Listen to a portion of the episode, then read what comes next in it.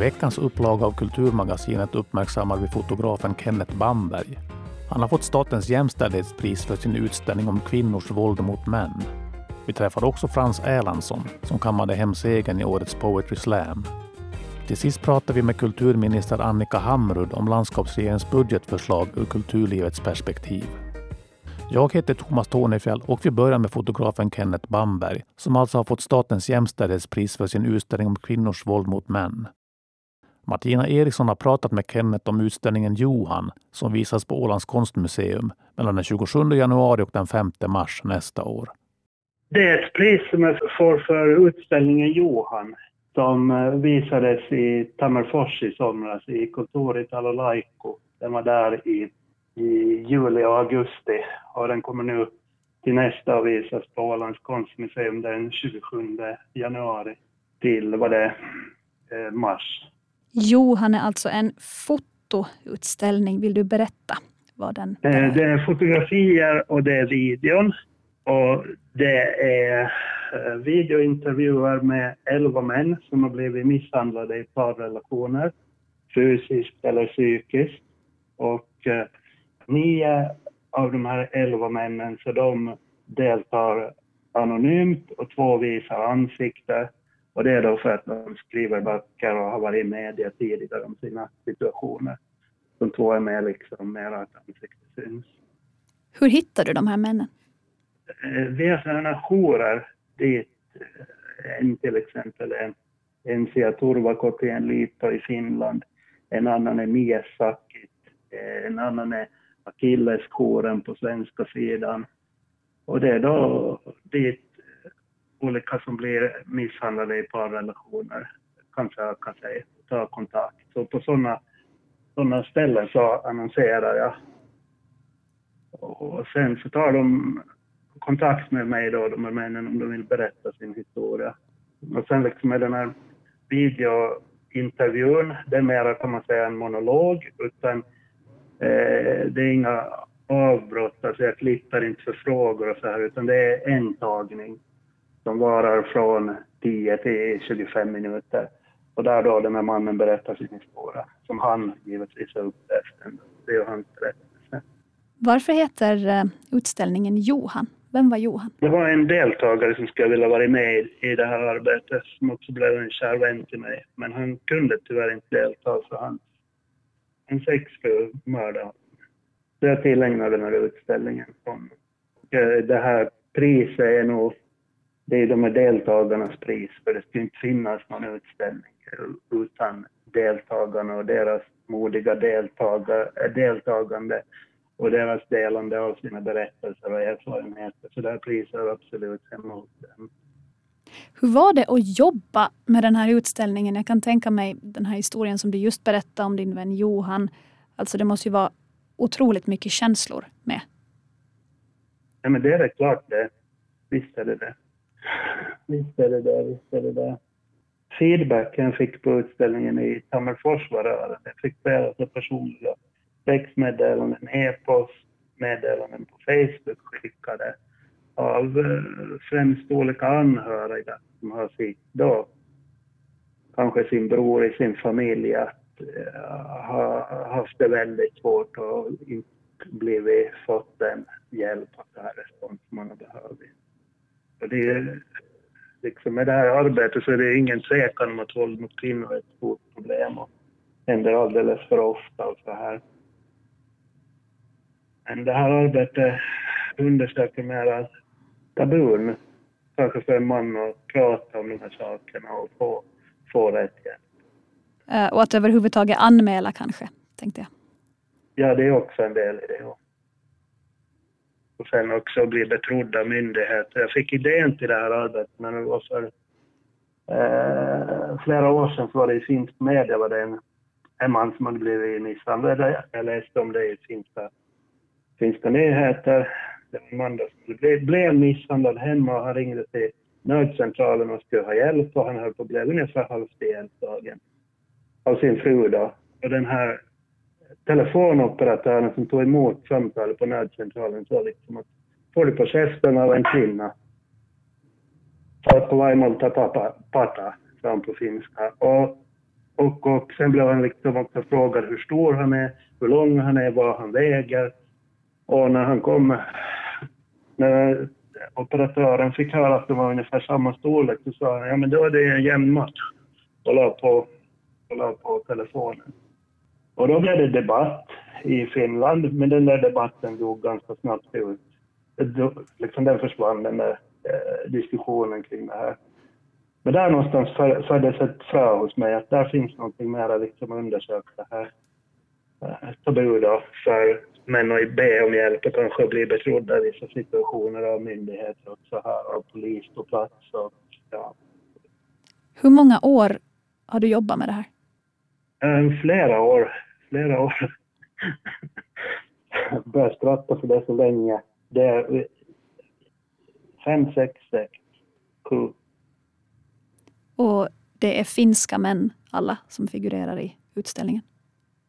Nej, det har faktiskt en, eh, det är flera från Danmark, flera från Sverige på finska. Just det, så det är ett nordiskt projekt? Jo, det är det. Det är det. det, är det. Sen var ju förstås det som för alla, det här covid framme satte käppar i hjulen, att man kunde inte riktigt resa, resa runt och, och göra alla länder så enkelt. Det vad det. Och nu är det alltså statens pris för jämställdhet som du har fått? Jo, det är det. det, är det. Alltså är en slags delegation eh, som är utsedd av regeringen för jämställdhet. Eh, som består av olika politiker som är tillsatta i den här, som är invalda i riksdagen bland annat då, som väljer ut vem som får det här priset. Vad består det. priset av? Vad är det konkret? Det är att jag får, ska få något fint konstverk Känner du nu, äh, jag tänker just den här historien som du berättade om den här mannen som, är, som blev hånad av alarmoperatören och så där. Känner du att det är äh, lite upprättelse för de männen nu, det här priset och att det är av staten?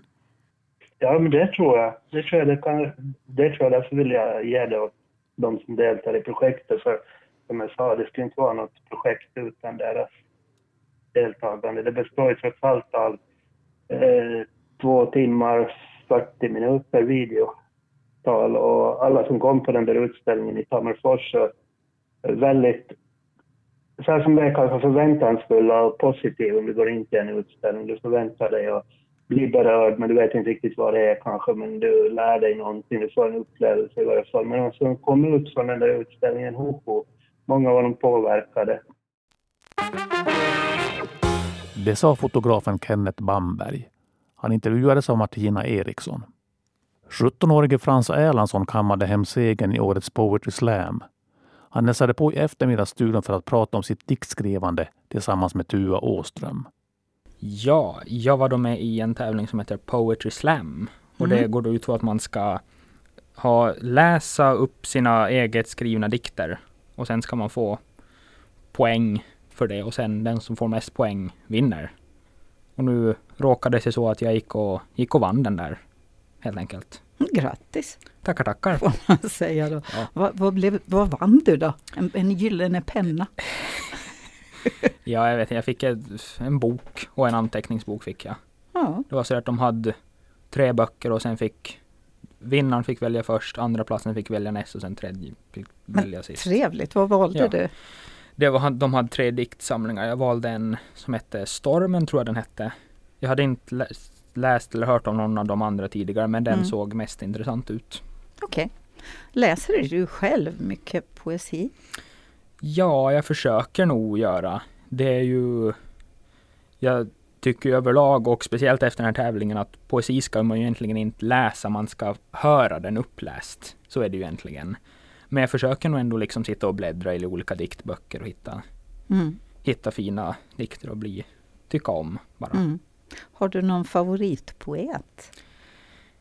Ja, alltså jag tycker ju om många av de här liksom gamla som Stagnelius och de olika och sen har jag också någon Lotta Olsson har jag läst en del av. Hon är svensk poet och sen har jag också läst, tycker jag väldigt mycket om de dikter som finns med i Sagan om ringen av J.R.R. Tolkien. Mm. Olika dikter där relaterade som tycker jag också är jättefina. Just det. Man kan ju säga att det kanske inte är helt jätte, jättevanligt att en kille i, vad är du, 18? Eller 17? 17 är jag bara. Är 17 år. Mm. En 17-årig kille liksom räknar upp poeter sådär bara. Liksom, ja, men jag brukar läsa det här och det här. Nej, Nej. det brukar nog inte vara så vanligt. Nej. Nej. Det, jo. Ja, det mm. är så bara. Mm. Det är skönt att man har, har eh, att inte alla tycker Nej. lika om allt och Nej. har samma intressen. Det är roligt att vara unik. Ja, så är det. Men du själv då, ditt skrivande, skriver du annars också dikter eller är det bara då det är tävlingsdags som du taggar till och mm, Nej. skriver ihop någonting? Nej, utan jag försöker nog liksom när jag får någonting bra jag vill skriva om eller när jag får flyt så försöker jag liksom skriva några dikter och sen när det börjar närma sig någon tävling eller någonting då ser jag över liksom de dikter jag skriver och väljer ut de tre som jag tycker är bäst och passar bäst liksom in på det jag ska göra. Och så mm. läser jag dem. Eller så skriver jag något helt nytt för enkom för tävlingen. Mm. Hur många gånger har du, har du varit med och tävlat i poesi? Uh, just den här Poetry Slam så har jag, var det andra året jag var med i. Och det är den enda liksom uppläsningstävlingen. Men sen har jag också varit med i olika, olika skrivtävlingar. Där jag har lämnat in liksom dikter som bidrag. Mm. Med blandat resultat. Mm. Mm. Hur, när skrev du din första dikt? Minns du hur, hur gammal du var då? Ja du, alltså jag skulle vilja säga att jag, alltså jag börjar kanske skriva dikter mera regelbundet någon gång i början, mitten av nian skulle jag vilja säga. Men om man tittar liksom rotar i lådor från dagis där hemma så finns det säkert något gammalt alster sparat där också. Men vad kul! Jo, Redan på dagis. Det, det, ska vi inte göra, tycker jag. Kanske inte idag då. Men jag har faktiskt, då du sa det där så kommer jag ihåg en, eh, en kusinbarn som då hon var sådär mm. i tre, fyra års åldern, fyra kanske hon var, då, gjorde hon, då skrev hon en dikt om lök. Oj! Så, Ibland längtar jag, då tar jag då, för jag blir så stark av lök. den, där, den där var outplånlig. Den satt jo. på deras kylskåp hur länge ja, som helst. Visst var den fin? Ja, den var jättefin. Den. Ja. Mycket finare än Din dagispoesi mina da, dagisdikter. ja, nej men alltså det är, det är ju kul det här med ord och liksom kreativ stimulans. Att, mm. att, få, att, att bli uppmuntrad att skriva. Du, tycker du att, att ni får mycket sånt i skolan? Ja, nog brukar det ändå vara sådär. Upp, nu uppmuntras man liksom att skriva på, på svenskan så, så tror jag att vi skulle vi har, har någon hel kurs i Lusse som handlar mycket om poesi och olika rimgrejer. Men jag vet inte om man just uppmuntras till att skriva liksom Det egna skrivande? Nej. Ja, det är väl mer mm. så att man uppmuntras på det sättet att när lektionerna är liksom onödigt tråkiga så tar man fram pennan och sitter och klottrar någonting i längst bak i häftet eller någonting. Okej, okay. men ingen sån här aktiv uh, kreativ, kreativ svenska, skapande svenska? Nej, det Nej. tror jag inte att det är liksom Det är nog inget obligatoriskt i alla fall, mm. tror jag på det sättet. Mm. Jag tror det finns något tillvalskurs som är just det, men mm. Skulle det vara kul? Skulle du vilja gå en sån? Skulle det säkert vara. Ja. Vi har nog, när det har ordnats olika liksom skrivkurser och skrivkaféer har jag nog försökt liksom försökt vara med mm. så mycket jag bara kan. Jag tycker det är ganska kul att skriva. Mm. Vad är det som är utmaningen med att skriva en dikt? Ja, alltså det, det jag tycker är roligt med att skriva dikter är just att du kan lite bestämma själv hur utmanande du vill göra det. För du kan, det finns just de här formerna och mönstren och äh, sätten man kan skriva en dikt på som man kan liksom följa. Mm. Men sen så kan man ju också bara skriva dikter kan ju komma i så många olika former så man får ju man kan helt välja liksom vilka former man vill följa, vilka versmått man vill följa men sen kan man också välja lite hur mycket man vill följa dem. Mm. Om man ibland lite vill luckra upp det. Så det tycker jag är bland det bästa med poesi faktiskt, att man kan Det finns så mycket olika. Mm, mm. Men det, det, är, det är ganska mm. fascinerande det här att det finns faktiskt en form, eller det finns flera mm. former mm. då man skriver mm. poesi. Och det, det, det är ganska hårt i vissa av dem. Jo, alltså vissa av dem är ju, kan ju ja. vara stenhårda. Just en Mm. av de dikter jag läste på Poetry Slam var en sonett som är, överlag är ett ganska liksom hårt versmått. Men man kan ju också liksom, även där kan man lite variera liksom ordning på raden och rim. Vilket jag också gör ibland. Jag är inte heller alltid jättenoga med att följa former och så men Äh, lite konstnärlig frihet måste man ju ja. ha. Ja. Men det är också, för det, det tänkte jag också först att det är jättesvårt att skriva med just de här olika formerna och versmåtten. Men sen läste jag faktiskt på en blogg någon som skrev något jättesmart att versmått och former på dikter är inte liksom regler, det är bara sätt som andra poeter har jobbat på och funkat för dem. Mm. Så man måste inte liksom ta över någon annans sätt. Man kan Nej. lite hitta sin egen, uppfinna sin egen form. Vad är en sonett? En sonett är en dikt med 14 rader. Brukar, det finns egentligen, tror jag, enligt internet nu, det här är min källa, det är när jag googlar det här, Mm. för typ nian, så finns det då främst två olika former. Det finns den Shakespeare-sonett och sen Petrarca-sonett. Och jag föredrar den andra, även om jag inte riktigt kan uttala den. Men, och den går ut på att först så kommer det fyra rader, sen fyra rader, sen tre rader, sen tre rader. Och inom de här, de första fyra raderna brukar, åtminstone när jag skriver, brukar följa rimschemat A, B, B, A. Och sen, vad blir det då? Och sen C, D, D, C och sen E, E, F, G, G, F blir det väl då. Gudars skymning, det låter jättekomplicerat. Ja, det blir, det blir, man kan göra det mycket mer komplicerat Ja. än vad det låter, men man kan också göra det mycket enklare än vad det Ja, ja. låter. Så att nu, nu, nu tvättar vi genast bort den här stämpeln av att en poet går omkring och vet du, så här med pennan bakom örat och funderar lite. Så skriver man Mm. jag ser ett löv, det är fint. Och så har man skrivit en dikt. Liksom, det, här är ju, det här är ju verkligen högre skolans diktförfattande. Alltså. Ja, alltså, det man, nu tog jag ju bara en form som exempel, men man Mm. kan ju också variera så man har A, B, A, B Mm. istället för A, B, B, A. Mm. Och nu alltså överlag så är jag ganska dålig på det här med jämn form. För en sonett ska ju också följa liksom någonting som heter jambisk femtakt. Och den är jag också dålig på. Så jag brukar bara skriva och så länge det låter bra så är det okej. Åh, vad skönt. Det finns regler, men konsten Jo. är att bryta mot dem. Jo, alltså Ja. det är det som jag tycker att för överlag, alltså formen ska, i en dikt ska ju aldrig vara viktigare än innehållet. Nej, Man ska det. ju, när man skriver dikter brukar jag säga, då ska man skriva med hjärtat och inte med hjärnan. Mm. Alltså poet, är det någonting som, som, som, som du känner dig bekväm i? Liksom, skulle det vara liksom Frans Erlandsson, poet? Alltså det skulle ju vara jättekul att kunna liksom kalla sig det. Det var Mm. kanske faktiskt det bästa med just den här poesitävlingen på Udeslam, att efter den, man kände sig, jag kände mig som en poet. För jag upplevde att det, det finns liksom en skillnad mellan att vara en poet och att vara bara någon som skriver dikter. Och efter den där, då kände man sig verkligen, men nu känner jag, nu ikväll är jag liksom en poet. Jag Läckert! ja, för det är inte Ja. så ofta, även om jag liksom ändå ganska ofta sitter och funderar på dikter och när jag inte har något annat att fundera på så funderar jag ofta på hmm, hur ska man kunna beskriva den här känslan på rim.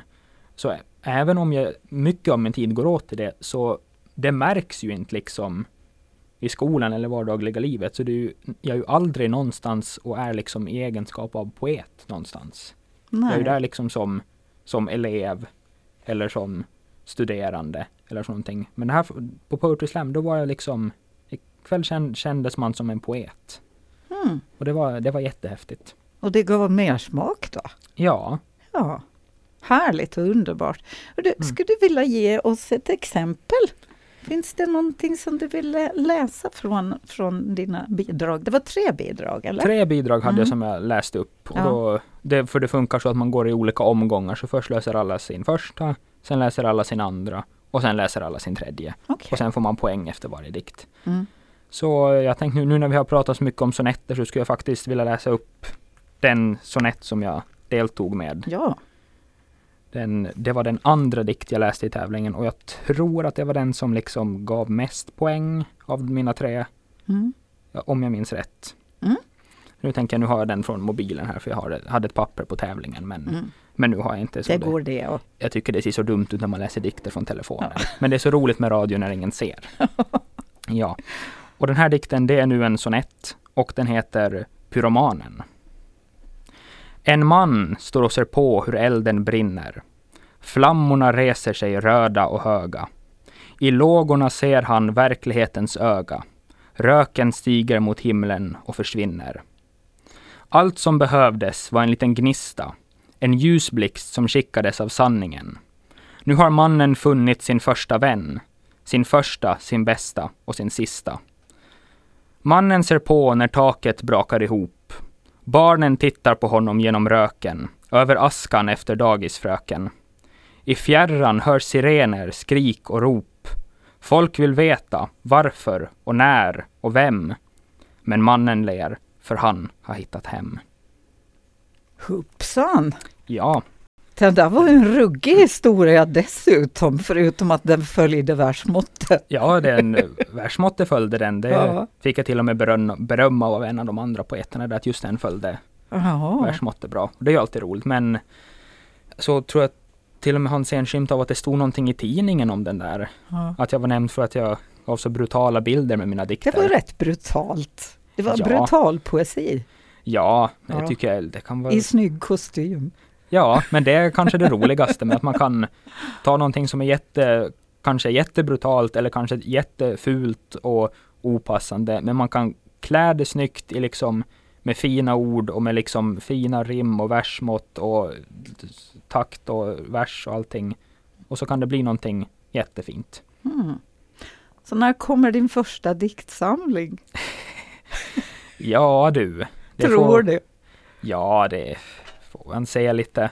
Jag märker själv att jag kanske får utvecklas lite, för det märkte jag. Jag sa ju att jag började skriva dikter regelbundet i nian. Mm. Men när jag går tillbaka, för jag har alltså på min dator, har jag ett enormt dokument där jag bara fyller i dikter när jag skriver dem. Och där liksom längst bak i det dokumentet finns de första dikterna jag började skriva. Och de, när jag går tillbaka och läser dem, alltså de är ju helt förfärliga. Alltså de är ju så dåliga. Det är, det är nödrim och det är omvänd ordföljd och det är liksom, man måste betona det liksom på helt fel sätt för att det ska gå ihop och det handlar knappt om någonting. Men det är ju liksom, det är genom att skriva det där som jag, för jag blir ju bättre hela tiden märker jag. Och inte Mm. skulle jag säga att jag fortfarande skulle säga att jag är bra, men det blir bättre hela tiden. Jag känner att man får, jag f- kan hända att jag får utvecklas lite mer, men förhoppningsvis någon gång, jo, Mm. kommer det ut någonting. Vad, vad spännande och intressant. Alltså, det är så mycket träning bakom. Alltså det är ju det. Mm. Och då har jag ju alltså, ju som sagt, jag har suttit och googlat, jag har läst liksom böcker, jag har läst andra poeter, jag har läst på olika bloggar och lyssnat på poddar om det här. Och sen bara gjort det då Mm. och följt de här formerna. Jag, jag tänker, det var för en par år sedan, då intervjuade jag dig efter den här niornas skrivtävling i eh, litteraturdagarna. Visst. Mm. Och då blev en av dina dikter blev tonsatt. Ja, Mm. Är det någonting som, som du skulle vilja höra mer av? alltså det skulle nog faktiskt vara jätteroligt att ha för det finns, jag har faktiskt vissa dikter som jag liksom tänker, tänkt när jag började skriva dem, när jag skrev dem och nu fortfarande nästan ett år senare, så tänker jag att den här skulle kunna vara en jättebra sångtext också. Men det är det att jag inte, jag är inte så bra på musik. Och det där med toner och noter och instrument och sånt, det är inte riktigt min grej. Jag känner att det kan jag, just nu så känner jag att det kan jag inte riktigt göra liksom ensam. På egen hand? Nej. Nej. nej. Det var ju, och det var inte jag som hade tonsatt den där, min dikt heller. Det var väl Beppe Lantz var det väl? Ja, ja. Jo, och han gjorde det ju helt fantastiskt. ja. Så jag känner att eh, det skulle nog vara jättekul. Men jag vet inte hur man gör. Det sa Frans Erlandsson. Han intervjuades av Tua Åström. Landskapsregeringen har presenterat sitt budgetförslag för 2023 och jag fick nyligen en pratstund med kulturminister Annika Hamrud. Och så här säger hon om budgetförslaget ur kulturlivets perspektiv. I vårt eh, budgetförslag så är ju landskapsregeringens målsättning att främja ett levande kulturliv och människors tillgång till kultur i alla dess former. Och här är ju naturligtvis de överföringar av passmedel till kulturdirektionen för just kulturell verksamhet en, en viktig roll. Och kulturdelegationen den beviljar ju eh, verksamhet, och projektstöd till föreningar och eh, stipendier för enskilda kulturutövare. Och sen ingår det ju också andra eh, överföringar till kulturell verksamhet som medel till Nordens institut på Åland, alltså NIPO. Eh, det är överföringar till Ålands sjöfartsmuseum och Ålands jakt och fiskemuseum. Eh, sen har vi andra saker kring till exempel eh, byggnadsvård. Eh, det är ett nytt förslag som vi har till förslag som handlar helt enkelt om byggnadsvårdsbidrag till eh, kulturhistoriska värdefulla byggnader.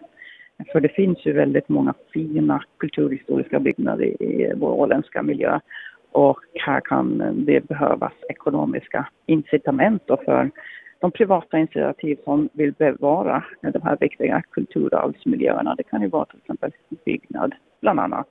För 2023, hur, hur ser det ut när det gäller pengar till kulturen överlag? Är det mer eller mindre än, än tidigare?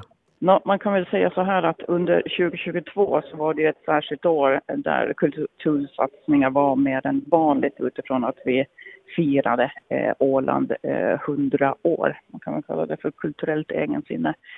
Men det var ju även bra utifrån hur pandemin har påverkat vårt kulturliv, utifrån att eh, Eh, det har liksom varit en stor brist på att ta del av kulturutbud, utföra kultur och även svårt för våra kulturaktörer, både amatörer och professionella, att få uppföra samt möta publiken. Så man kan väl säga att Åland 100 var väl en kulturell boost kan man säga eh, utifrån det. Eh, men i årets budget har vi också eh, förslag till eh, anslag att, att en viss summa pengar borde reserveras för just aktiviteter i samband med firandet av Ålands självstyrelse 9 juni. För vi har ju aldrig egentligen firat vår självstyrelse så som vi har gjort under vårt jubileumsår. Men vi vill nog gärna se liksom att eh, det ska vara speciellt eh, firande under vår självstyrelsedag den 9 juni.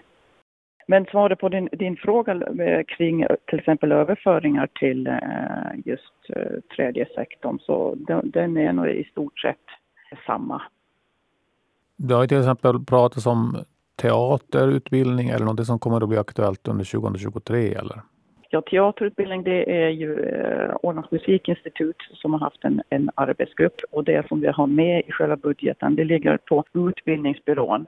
Så vi har sagt att, att under 2023 ta fram en, en läroplan till att börja med eh, kring eh, en, en teater eller scenkonstutbildning då som vi kallar det för.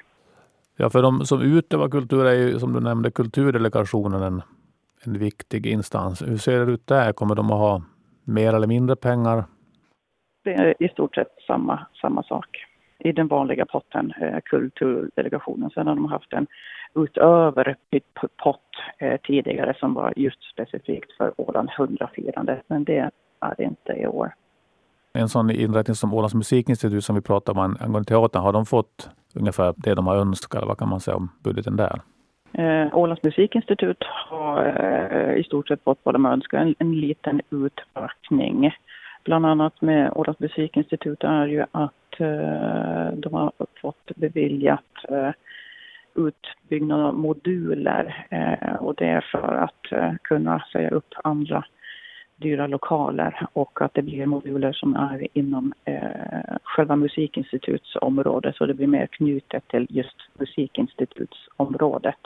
Vilket de har efterfrågat men det har vi med förslag nu här i budgeten att de ska få.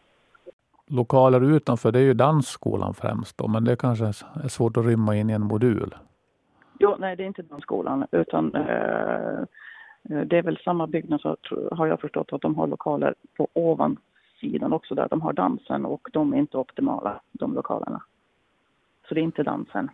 Har du ytterligare några tankar om kulturen på Åland, hur den mår och hur den kan utvecklas?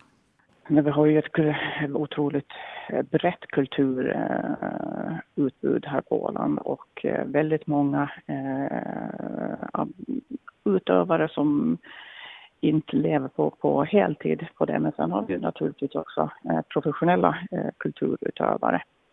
Eh, men jag hoppas nu utifrån den här pandemin att folk, människor får möjlighet att, att få uppleva kultur mera. För det är nog väldigt viktigt för vårt, vårt välmående. Och där är väl också det som utav det vi har eh, gjort en, en särskild satsning är ju mer kultur och fysisk rörelse för just barn och unga i eh, grundskolan i anslutning till skoldagen. Eh, för just det här med att pandemin har ju påverkat barn och unga på många sätt och vi vill försöka motivera att fler, fler kan få pröva på kultur och konstaktiviteter, men även fysisk aktivitet. Och med det här speciella så är tanken att kommunerna själva inom grundskolan ska kunna söka ekonomiskt stöd från eh, oss från landskapsregeringen för att utveckla det här. För just ungas delaktighet och samhörighet har ju minskat i pandemins spår och här är det nog just kultur och fysiska aktiviteter som ökar delaktigheten och samhörigheten som är nog så viktigt just för att barn och unga ska ha ett så bra välmående som möjligt. Är det något ytterligare du vill tillägga kring kulturbudgeten? Det jag kan nämna är ju Eckeröpost och tullhus och är ju vårt förslag att påbörja en ombyggnad av Eckeröpost och tullhus eh, och att den ska göras etappvis. Eh, det var ju tidigare en fullmakt som pausades för att ge utrymme för ett färdigställande av Bomarsunds besökscentrum.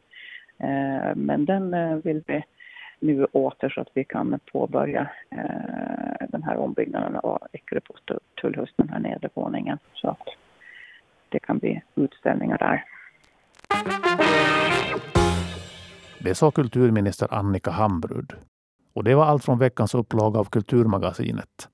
Jag heter Thomas Tornefjell.